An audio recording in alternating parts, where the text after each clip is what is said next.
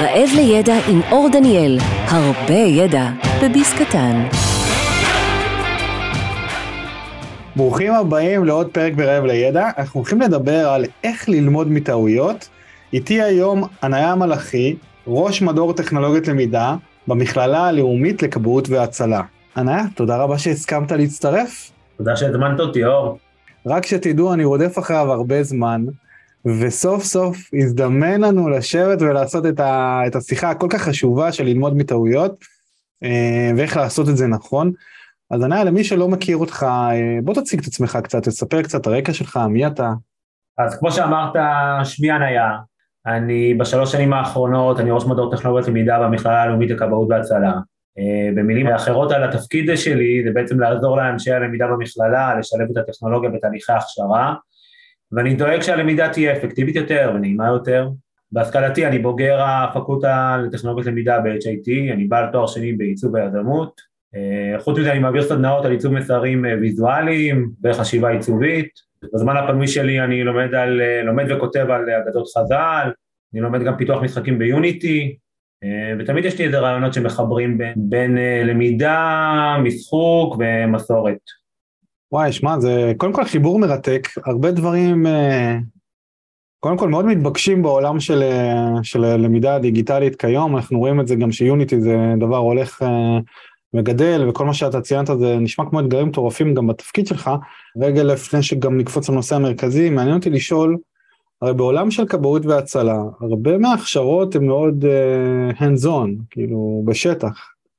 ואתה אחראי על כל העולמות של להכניס את הטכנולוגיה לפי מה שאמרת בתפקיד, להכניס את הטכנולוגיה להכשרות, איך זה משתלב ביום יום? זה נשמע כמו אתגר מאוד גדול, איך אתה, איך אתה מתמודד עם האתגר הזה? בסופו של יום, אנחנו פה מלמדים אנשים להציל חיים, אנחנו נותנים להם את הכלים גם, אה, גם אם הם אה, עובדים חדשים, גם אם הם אה, עובדים ותיקים שרוצים לרענן ידע קיים, וגם מה קורה שהם חזרו לתחנות והם, אה, והם שכחו את מה שהם למדו ואיך אנחנו בעצם עוזרים להם לדלות את המידע בעצמם. אז כשמסתכלים על, על שלושה הכיוונים האלה, הטכנולוגיה יכולה לתת פתרון גם לפני ההכשרה, במהלך ההכשרה, וגם מה שקורה אחרי שכבר התרחקנו. אז נכון, חלק נכבד מהלמידה הוא, הוא מעשי, הוא פרקטי, הוא תחת פקודות, הוא נהלים, אבל uh, בסופו של דבר גם אנחנו מאפשרים להם ללמוד בכוחות עצמם, לאפשר להם את הלמידה העצמית הזאת, ממש מתוך הכף יד, זו, זו השאיפה של, ה, של המכללה הלאומית לכבאות והצלה וגם של כבאות והצלה בכלל, לאפשר את הלמידה הזאת מכל מקום, מכל מכשיר. מעניין, נשמע כמו אתגר מטורף. אתה יכול לתת לנו קצת סדר גודל של הכמויות תכנים, כמויות לומדים? אני יכול להגיד לכם שלמשל ב... במערכת אה, לניהול למידה שלנו, שאנחנו עובדים עם אה, מודל, יש לנו היום אה, כ-60 סביבות למידה שהן חיות ובועטות, עם, עם מבחנים דיגיטליים, עם לומדות, עם לומדים שנכנסים מדי יום. אני רק יכול, דוגמה אחת לסביבה אחת שיש בה, שברבעון האחרון היו בה מעל אלף כניסות, זו סביבה שבעצם מאגדת את כל התקן ל... להדרכה, בעצם כל, כל נהלי המכללה, בעצם בסביבה ש, שמשרתת את, ה, את אה, סגל ההדרכה במכללה. אתם יכולים לראות כאילו גם סביבה שהיא על פניו היא מאוד אינפורמטיבית, יש לנו שם, שאין שם מבחנים, אין שם, אין שם אה, אה, פעולות למידה שמצריכות איזושהי אינטראקציה, אלא זה באמת להיכנס, לדלות מידע, לפתוח מסמך שמעניין אותי, כי אני צריך, כי אני, כי אני מדריך בקורס, כי אני מפקד בקורס, אז גם סביבה כזאת היא, אנחנו מוצאים שהיא מאוד פופולרית. מעולה, תודה על הרחבה. עכשיו בוא נצלול ללמוד מטעויות. מה זה אומר ללמוד מטעויות? מהרגע שנולדנו אנחנו נמצאים בסייקלים של למידה. ואם אמרנו למידה, אז סביר להניח שגם עברנו תהליך שחלק בלתי נפרד ממנו, וגם טעויות ש... שלי, שלך, או טעויות של אחרים. למידה מטעויות זה למידה שנובעת בסופו של דבר מחוויה אישית שמבוססת על איזושהי חוויה פרטית שחווינו אותה בעצם על, על בשרנו. זה ככה בהיבט שהוא יותר אישי, שהוא יותר ככה לוקח אותנו לראשוניות, לילדות, אבל למידה מטעויות היא אסטרטגיית למידה שהיא מוכרת, והיא מוצלחת בעיניי דווקא בגלל שהיא לא נעימה לנו. החוויה שבטעות היא, היא, היא לא נעימה וזה מה שהופך את האסטרטגיה הזאת למוצלחת. כי כשאנחנו טועים אנחנו זוכרים טוב יותר את המידע ששגינו בו, כשאנחנו טועים אנחנו מתאכזבים, אנחנו רוצים לתקן, מסתקרנים ושואפים לתקן כבר בפעם הבאה, והטעות היא מעסיקה אותנו, היא נוגעת בנקודות, בוא נגיד ככה, הכי, הישרדו, הכי הישרדותיות ש, שלנו, אם אפשר להגיד את זה ככה, היא גם כאילו מרגשת אותנו באיזשהו מקום, והיא גם מאוד מעוררת אותנו. אתה יכול לתת דוגמאות כלומר? מה, איך, איך אפשר לשלב את זה באמת, את הללמוד מטעויות? פשוט לתת דוגמאות מהיום יום אולי, בגזרות שונות. קודם כל בכל הזדמנות אני חושב שאפשר ללמוד מטעויות אה, שלך או של אחרים, בהינתן התנאים שמאפשרים אה, אה, ללמוד ולהתנסות בעצמך, לטעות ולתקן. עכשיו כשאנחנו מתחילים לדבר על כאילו תנאים אז קודם כל בראש ובראשונה צריכה להיות סביבת למידה שמאפשרת ומעודדת אותנו להתנסות, ב, כאילו אותנו הלומדים להתנסות ב, ב, בטעויות, כלומר בוא נחשוב ככה שנייה לפני שאנחנו אה, אה, צוללים לדוגמאות בוא תחשוב איזה מדהים זה יכול היה להיות אם אנחנו נעריך את הלומד על סמך כמות הניסיונות אה, אה, שהוא ביצע והשיפור שלו בביצועים לאורך זמן. זה יכול להיות נפלא, בדרך כלל מודדים אה, לפי ההצלחה, כלומר הניקוד שהוא הצליח באותה תוצאה ו, וזהו, לא, אני לא מכיר באמת את ה... אתה יודע, את המדידות האלה בהשתפרות, זה אולי בתהליכי הכשרה מאוד מורכבים ספציפיים, אבל לא, זה לא נפוץ. זה לא נפוץ. אבל אני אומר, אם אנחנו באמת מסכימים עם הטענה הזאת שה... שהלמידה ביכולתה להאיץ את עקומת הלמידה, אז אולי שווה לנו להשקיע ולאפשר סביבה שהיא מעודדת את, הלומדים שלנו אה, להתנסות בעצמם. ולטעות. ואני חושב שזה זה, זה, אחריות של כל מוביל למידה בארגון, או כל בעל תפקיד שיש לו איזשהו חלק אה, בהכשרה, או שאמון על הכשרה של, לא משנה אם זה לוחמי אש, או נציגי שירות, בעצם באמת להתייחס לטעות כמשהו שיכול לקדם את הלמידה. אז מצד אחד, אנחנו סוכני הלמידה צריכים לאפשר את זה, ומצד שני, גם, גם מהלומדים כדאי שתהיה להם את ה... לפתח אצלם את האחריות האישית הזאת, להפסיק להתייחס לטעות כבושה או מבוכה או משהו ש... שעלולים לשפוט אותי, או משהו שאומר עלינו. ברגע שאנחנו מאפשרים את הסביבה הזאת, אז מתחילים לקרות דברים אה, באמת אה, נפלאים. אתה יודע, בקטע הזה מי מיישם את זה בצורה ממש טובה, נגיד את תרבות התחקיר של חיל האוויר. כלומר, אנשים עולים על הבמה וממש מתחקרים את, ה, את האירוע שהם ביצעו ואת כל הטעויות שהם אומרים, אומרים גם איפה הם טעו, רפלקציה אחרים, גם אומרים להם איך הם יכולים להשתפר ומה היה טוב ומה היה פחות טוב. ויש פה, נגיד זה משהו שאני מאוד אוהב, ללמוד מטעויות, מה שאתה אומר הוא, הוא נפלא, ואני חושב שאחד הדברים הקריטיים בהם הוא גם, כי אנחנו רוצים שאנשים יטעו אולי יותר בהכשרה, וזה לא יקרה במצב האמת. כלומר, אנחנו מעדיפים שלוחם כיבוי אש יטעה באיזושהי סימולציה או איזשהו תרגיל ש... שצריכים במכללה, ושזה לא יקרה לו עם בני אדם אמיתיים אה, בשטח. כלומר, שהוא ילמד מאותה טעות, יפיק לקחים, ישנה את ההתנהגות שלו בהתאם, אה, ו... אה, וככה ילמד. כי בעצם הטעויות מאוד יקרות עבורנו, אנחנו לא יכולים להרשות אותן בעולם האמיתי, לעומת זאת, בעולם ההכשרות, זה מתבקש, אני חושב שזאת אנקדוטה גם חשובה. אז ברשותך אור, אני אבקש להתייחס למה שאתה אמרת, אה, לגבי באמת האתגר ב- בלהכשיר אה, לוחמי אש ואיך אנחנו מאפשרים להם את המרחב הזה, את החופש הזה לטעות. בקורסים ובהכשרות במכללה הלאומית לכבאות והצלה אנחנו מקפידים על יחס של, אה, של חניכה של 1 ל-9, כלומר מדריך אחד על מקסימום תשעה חניכים. זה מאפשר למדריך שחונך, שמלווה, גם לעקוב אחר הביצועים של, של החניך, גם לבצע חניכה, גם לתת משוב אישי, גם uh, לדאוג שהוא מדבר באמת בשיח שהוא בגובה העיניים. ומצד שני, כל זה, uh, התוצאה של זה מאפשרת לחניך איזשהו מרחב uh, וחופש לטעות, גם כשאתה לומד מקצוע שהוא קשור בהצלת חיים. אז אני יכול להגיד שה... המעגל הזה שאנחנו מכירים של, של אה, חשיפה לנושא חדש, התרגול, ההתנסות, והלב של הדבר הזה זה בעצם המשוב, ולאחר המשוב גם החשיבה למשוב, ובסוף איך אני, אה, איזה, איזה מסקנה השגתי ואיך אני מבצע שוב, כדאי מאוד להשקיע במשוב שאנחנו נותנים ללומדים שלנו, ושהוא באמת יהיה נעים, מה, מה, מהסיבה ש, שהיא הכי פשוט, כאילו שהיא הכי ברורה לנו. פעם אחת מישהו שיתף אותי באיזה תובנה, שאנשים נעים כשנעים להם, שמה הכוונה? שכשאנשים מתקשרים טוב יותר זה עם זה, שהם מחייכים ומחייכים אליהם, אז הם מתקדמים ומשתפרים.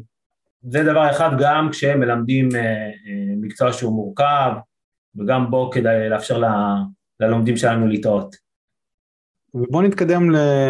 לאיך, כן, אנחנו פה בפרק של איך לעשות את זה, איך, איך, איך ללמוד מטעויות, כן? בין היתר זה גם אומר איך ללמד מטעויות.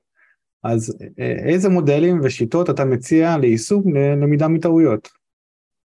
בבסיס כל המודלים והשיטות שאנחנו מכירים, בא לידי ביטוי המעגל קסמים הזה, התרגול וההתנסות העצמית שמביאה לשגיאות, בעקבות זה יגיע המשוב, ואחרי זה עיבוד וחשיבה, ואז ניסיון נוסף, ולבסוף אה, הצלחה. אז תסכים איתי שהשלב המרכזי במעגל הזה הוא, הוא שלב המשוב. ככל שהוא יהיה אישי יותר, ענייני יותר, דו-כיווני, אז הלמידה תהיה איכותית יותר. ומה שיפה כאן, שהיום, כבר היום, הטכנולוגיה מאפשרת לנו לתת uh, משוב בצורה חכמה.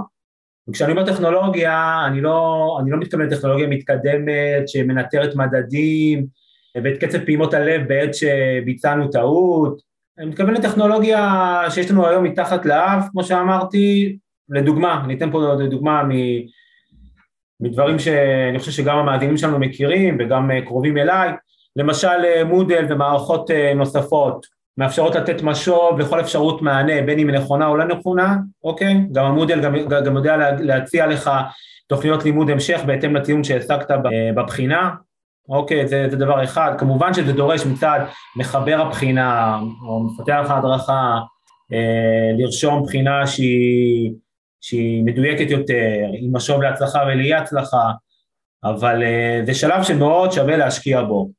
אני יכול להגיד לך ש, שאצלנו אנחנו לא עושים את זה על כל שאלה, אבל רגע לפני שאנחנו מפרסמים את הציונים, אנחנו בעצם אה, מאתרים את השאלות שהן היו הכי מאתגרות עבור החניכים, ועבורם אנחנו דואגים שיהיה, שיהיה משוב אה, שהוא איכותי והוא ענייני יותר, ואפילו במקרים מסוימים שיהיה גם משוב אישי. זה ככה דוגמה מהעולמות של, של הלמידה, בואו ניקח דוגמה אה, נוספת מעולמות המשחוק.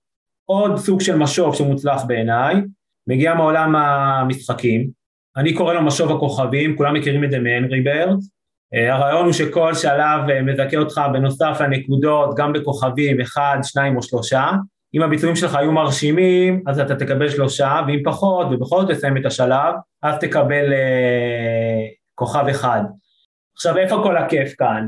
שהשחקן יכול לשפר את הביצועים שלו, ויש לו מוטיבציה שכל הלוח שלו יהיה בעצם מלא במשוב אה, של אה, שלישיות כוכבים.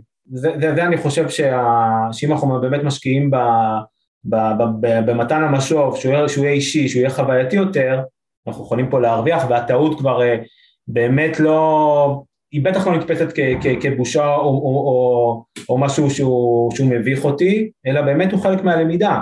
אז, אז, אולי, אז אולי בתחילת ההכשרה זה יהיה כזה קצת יותר קצת יותר קשה ללומד, אבל ככל שמתקדמים בהכשרה, בטח בהכשרות ארוכות, זה כבר הופך להיות באמת חלק שמאיץ את, את עקומת הלמידה. מעולה, אני, אני אשמח גם להתייחס האמת ברשותך. אה, העניין הפידבק הוא מאוד קריטי בלמידה באופן כללי, גם פרונטלית אה, וגם דיגיטלית, אבל במיוחד בדיגיטל, כמו שציינת. ואני חושב שהעניין פה, שהדגש הוא באמת על המשוב, שבן אדם, גם אם הוא צודק, צריך להסביר לו למה הוא צדק, לדעתי. כלומר, גם המערכות, כמעט כל המערכות יודעות לתת, אה, אוקיי, למה הוא באמת הבן אדם צדק כדי לחזק אותו. וכמובן, לחזק את העניין הביהביוריסטי, כל הכבוד, הצלחת, טה טה טה טה אה, ולמה צדקת ומה הסיבות הנכונות. ובמיוחד שהוא טועה, לכוון אותו, קודם כל, יש את העניין של תחושת המסוגלות, של כמעט והצלחת, או השימוש פה בשפה, או איך שהם, איך אה, לאפשר את הטעות הזאת בצורה נכונה, לא כאילו תשובה לא נכונה, נקודה. כלומר, להסביר, היית ממש קרוב בהיגיון שלך, או לא משנה מה בהסבר, ואז לפרק לבן אדם מה, אה, אה, ולכוון אותו, ובוא תנסה שוב לבחור מהאופציות למשל. ואז יש לנו פידבק שיכול לתת, גם לאפשר את התרבות של הליטות, וגם להסביר את הלוגיקה ללומד, כי יש הרבה פעמים שהוא פשוט אה, פספוס קל, או שהוא לא הבין לגמרי, ודווקא שאלות, כמו שאמרת, אנחנו נכווים מטעויות, כן, אנחנו זוכרים אותם הרבה יותר. הוא דווקא אה, איפה שהוא טעה ואז תיקנו אותו, הוא יזכור את זה הרבה יותר טוב, ככה שבעצם הפידבק או כל בדיקת הבנה כזו הופכת להיות כלי למידה מאוד מאוד משמעותי, ושם זה המרכז של הלמידה בטעויות לדעתי, בפידבק כאן. מה שאתה אמרת הוא זהב, כי גם אתה הכנסת את העניינים של משחוק, כי פה אנחנו צריכים לשלב עוד אלמנטים של משחוק, גם. בכל המערכות גם אפשר לעשות את זה כבר, הכל תלוי איך אתה מציג את הדברים. אה, בתור מסע, קווסט, פרסים, לידרבורד, לא משנה מה, אפשר לעשות אלמנטים כאלה של, של ללמוד מטעויות בנקרא בעולם הדיגיטלי. אה, זה השתי סנטים שלי נראה לי רק שיתחבר לדברים שאתה אמרת. ופה אבל אני רוצה לשאול אותך שאלה גם אתית כאילו מקצועית קצת, כשאנחנו אה, בונים אתה יודע הכשרה, כל מי שמגיע מהעולם המקצועי גם יתחבר לזה, יש את העניין שעושים את זה בהדרגתיות, מקל לקשה בהתחלה. וגם פה איך אנחנו עדיין אה, יכולים גם לאפשר ללמוד מטעויות, אבל גם להגביר את תחושת המסוגלות. כי אנשים שלפעמים שהם טועים או שהם נכשלים, תחושת המסוגלות שלהם יורדת, ואולי זה יכול להוביל לנשירה או לחוסר הצלחה, חוסר אמונה בעצמך. אה, איך נתמודד עם זה? אני יכול להבין למה, למה הנושא הזה של למידה מטעויות יכול להיתפס כאיזשהו אה, קונפליקט בתהליך הלמידה ותחושת המסוגלות שאנחנו רוצים לתת ל, ללומדים. אבל אני חייב להגיד ש... שאנחנו לא צריכים להסכים עם זה, כי צריך לזכור שאנחנו נמצאים בתהליך, בתהליך של למידה, אוקיי? כלומר, למידה היא לא משהו רגעי, אלא, אלא, אלא זה תהליך. ואנחנו רוצים שהלומדים שלנו יצברו בעצם ניסיון אישי, וילמדו מטעויות של האחרים, וילמדו מהטעויות של עצמם, ויאספו תובנות מהדרך, וגדולים מאיתנו כבר אמרו שאין חכם כבעל אה, ניסיון, ויש פירוש אה, חסידי על הפתגם הזה, שבעצם אה, קורא לנו לדאוג להיות הבעלים של הניסיון ולא, ולא העבד שלו. כלומר, לא לתת לניסיון הכושל להפיל עלינו או לחופף אותנו, אלא לצמוח אה, אה, מתוכו. וזה מזכיר לי אה, דווקא אה, חוויית ילדות שלי, לקראת התיכון, אה, ישבתי שעות ארוכות ללמוד אה, מתמטיקה, עשיתי הכל כדי להתחיל את כיתה י' אה, במסלול של חמש יחידות אה, במתמטיקה. ההורים היקרים שלי, שהם אנשי חינוך אה, בעצמם, עם הרבה ניסיון בהוראה, תמיד היו איכשהו ברקע לעודד, לעודד אותי ולתמוך בי. אחרי שאימא שלי הבינה מי יש לה עסק, אימא שלי היא מורה לחינוך מיוחד, כן? אז אז, אז, אז ברור לך כמה, כמה טיפים והוראה מתקנת, אה, עוד לפני שנזדקקתי לזה, עוד, עוד קיבלתי. שלפה יום אחד אה, מחברת, ואמרה לי לכתוב עליה מחברת הטעויות שלי. בכל פעם כשהייתי עושה טעות אה, בתרגיל, אה, הייתי צריך לרשום את מהות הטעות, כלומר לא להעתיק את כל התרגיל למחברת ולסמן מה, איפה טעיתי, אלא לרשום בשורה אחת מה מהות הטעות.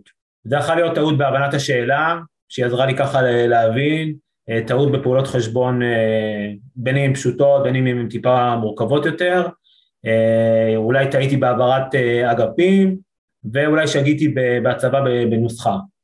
אחרי, אחרי כמה ימים, אולי שבוע, אני זוכר שכאילו ישבנו וסיכמנו את, את מספר הטעויות מכל סוג, ואז החלטנו על פעולות, פעולות להמשך, בהתאם לסוג הטעות, לסוג הטעויות הכי פופולריות שלי.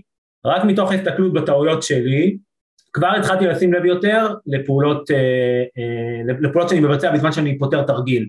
אז התחלתי לפתור תרגילים לאט יותר. ובעת הבחינה עצמה זה גם היה לי איזשהו כלי, כי ידעתי מראש מהם נקודות התורפה שלי והייתי גם ערני להם. ואפילו רגע לפני שהגשתי את התופת למבחן, ידעתי איפה אני צריך לתת מבט נוסף ולבדוק את עצמי שנייה לפני שאני מוסר את הבחינה. אז אני חושב שבאמת uh, התחושת מסוגלות הזאת היא צריכה להיות גם תוך כדי ש, שאנחנו מבצעים טעויות, כלומר לא להשאיר את, את, את הלומד עם הטעות אה, ולחשוב לבד איך הוא יכול לעשות את זה אחרת, אלא גם אה, פעולות של, אה, שלא רק משוב ותמיכה, אלא לעודד אותו אפילו לתעד במילים שלו בצורה שהיא, שהיא מהותית, כבר יכולה לקדם ברגע האמת שהוא יצטרך לבצע בעצמו בלי שום עזרה. אני חושב שזה סיפור מעולה, אני רוצה להתחבר אליו גם מהצד שלי, אינטואיטיבית לא, לא הכרתי, זה סיפור מדהים, אני חושב גם שאנשים יכולים לקחת ולהשתמש בו גם היום, בתור בוגרים, כן, בעבודה. אני זוכר, אני, אגב, אני זוכר שאני עשיתי את זה גם כשלמדתי נהיגה, עשיתי לעצמי מחברת כזאת, עשיתי את זה עוד כמה פעמים.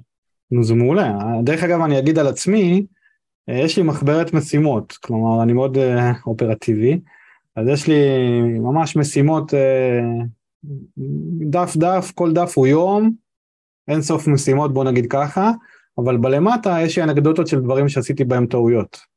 כאילו פה ניהלתי את השיחה הזאת לא טוב, פה אה, עשיתי פאשלה עם זה, פה ככה שיט שכחתי איזה משהו, אה, ואני כאילו, אתה יודע, לאט לאט כזה, יש אנקדוטות כאלה שמצטברות שאני צריך לעשות איתן משהו, להבין איך אני משפר בתהליכים יותר גדולים, אז אולי זה משהו חבר'ה שאתם יכולים לקחת פה אה, בין שני החוויות של שנינו ו- ולעשות מזה משהו שלכם. אה, אני רוצה ללכת לכיוון של, של איך יוצרים את התרבות הזאת של איתות, של לאפשר טעויות.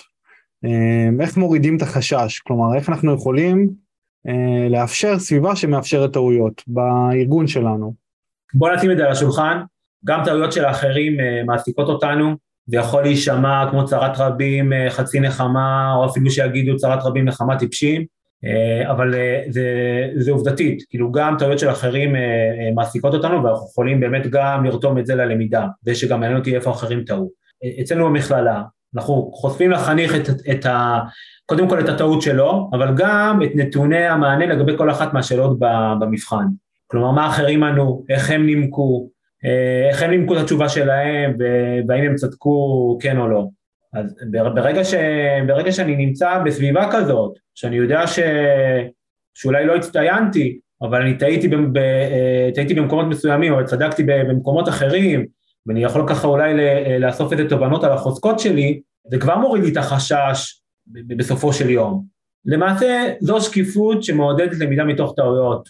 אם זו טעות שלי או של אחרים, זה כבר לא משנה. העיקר שאני אדע לחלץ מפה איזה משהו להמשך, הלמיד, להמשך הלמידה שלי. אז אתה אומר שבעצם שקיפות זה תנאי מרכזי מאוד ב, ביכולת של לאפשר את הטעויות, זה מעולה. בהחלט. כי בסופו של דבר כולם טועים, כולם טועים, כאילו אין פה שאלה מה עושים עם זה. שקיפות זה גם אה, לחשוף לחניך את הציון שלו ככל הניתן קרוב יותר למועד הבחינה, אה, זו שקיפות, שהוא יבין כאילו מה מתוכנן לו היום, מה המשימות שלו. מעולה. אני רוצה, אני רוצה ללכת אליך. מה הייתה הטעות הכי גדולה שלך? תראה, לא על כל טעות אה, נוח אה, לדבר פה בפודקאסט. אני חושב שיש טעות שלא... בוא נגיד, היא כבר לא מהדהדת אצלי, כמה שנים טובות, אה, הדהדה אצלי. אה, נספר את זה ככה, אה, כשהייתי סטודנט התפרסמה, סטודנט לתואר, לתואר ראשון, כן? התפרסמה מודעת דרושים של חברה לא ידועה, לפחות לי, לא לי באותם ימים, לתפקיד של מסדר מפות, משהו מעט טכני, מגיעה בעולם חוויית המשתמש, מעניין. במקביל גם התמיינתי למשרד סטודנט ב-yes, אה, ושאלתי את עצמי ככה, איפה, איפה כדאי לי לשים את הרגל? כלומר, בחברה דינמית, סביבה צעירה, שמעצבת תרבות פנאי, או עוד חברת אה, GPS. אחרי חצי שנה הבנתי שאמרתי בעצם לא ל-Waze.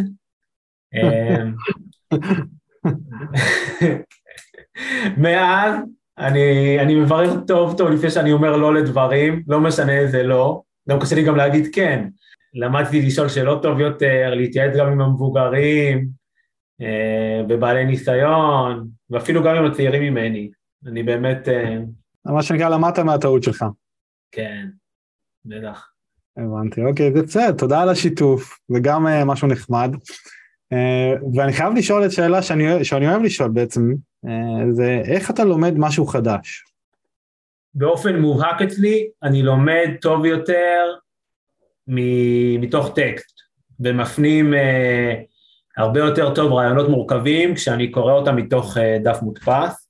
לא יודע למה זה ככה, כי יש לי הרבה, הרבה מאוד שעות מסך, אבל תמיד אני אעדיף אה, ללמוד נושא חדש, או לפחות להתחיל ללמוד נושא חדש, דו, דווקא דרך הטקסט הכתוב. לא יודע, משהו בחוויית הקריאה מאפשרת לי לדמיין את הנושא על כל היבטיו, נגיד את זה ככה, ואני חושב משהו גם בחוויית הקריאה מעוררת אצלי אה, שיח אה, פנימי שהוא, שהוא עמוק יותר, דווקא בגלל שבאמת אתה לא רואה, אתה לא רואה את ה visual, אתה לא רואה את הדברים אה, טורים מדי, אלא דווקא, דווקא דרך מילים. אגב, האפשרות השנייה המועדפת עליי, שאני לומד משהו חדש, זה להיפגש פנים אל פנים, ורק אחרי זה דווקא וידאו. אני יודע שווידאו הופך להיות מאוד פופולרי, אבל כדי, ש, כדי שאני אתן צ'אנס לוידאו, אז הוא חייב לתפוס אותי באמת מהשנייה הראשונה. אז תודה רבה שהצטרפת אליי לפרק הזה, היה לי לכבוד לארח אותך, יא מלך. אור, תודה על ההזדמנות אה, להתארח אצלך, לשוחח איתך נושא שהוא כל כך אה, רלוונטי, אה, שבאמת יכול להאיץ את תהליך הלמידה. אני מאחל לך להמשיך לעורר בכולנו השראה דרך הפודקאסט הנפלא שלך, ולהמשיך לשתף אותנו בדברים המעניינים שאתה עושה. תודה איש יקר. אני חושב שפתחנו לכם את הצוהר לעולם ה... לאפשר טעויות. ללמוד מטעויות, ויש עוד הרבה ללמוד, נכון? אז, אז תלכו ותחקרו קצת יותר על הנושא הזה, כי זה רק נגיס קטן של ידע, ויש עוד המון המון המון שם בחוץ, אה, וצריך לדעת לעשות את זה נכון. אז תודה רבה שהקשבתם, ותודה רבה שהצטרפתם לפרק הזה, ונתראה בפרק הבא. רעב לידע, פודקאסט בו אור דניאל מביא נגיסי ידע בעולמות הלמידה, הטכנולוגיה והיזמות. לומדים מארכיטקט למידה שעשה קריירה מללמוד. הצטרפו לחוויה שלא רק תעשיר את חייכם, אלא גם תיתן לכם את הידע, כלים, כישורים ומיומנויות להצלחה. מי שלומד, גם נהנה וגם מצליח. תוכן מבית learntech.co.il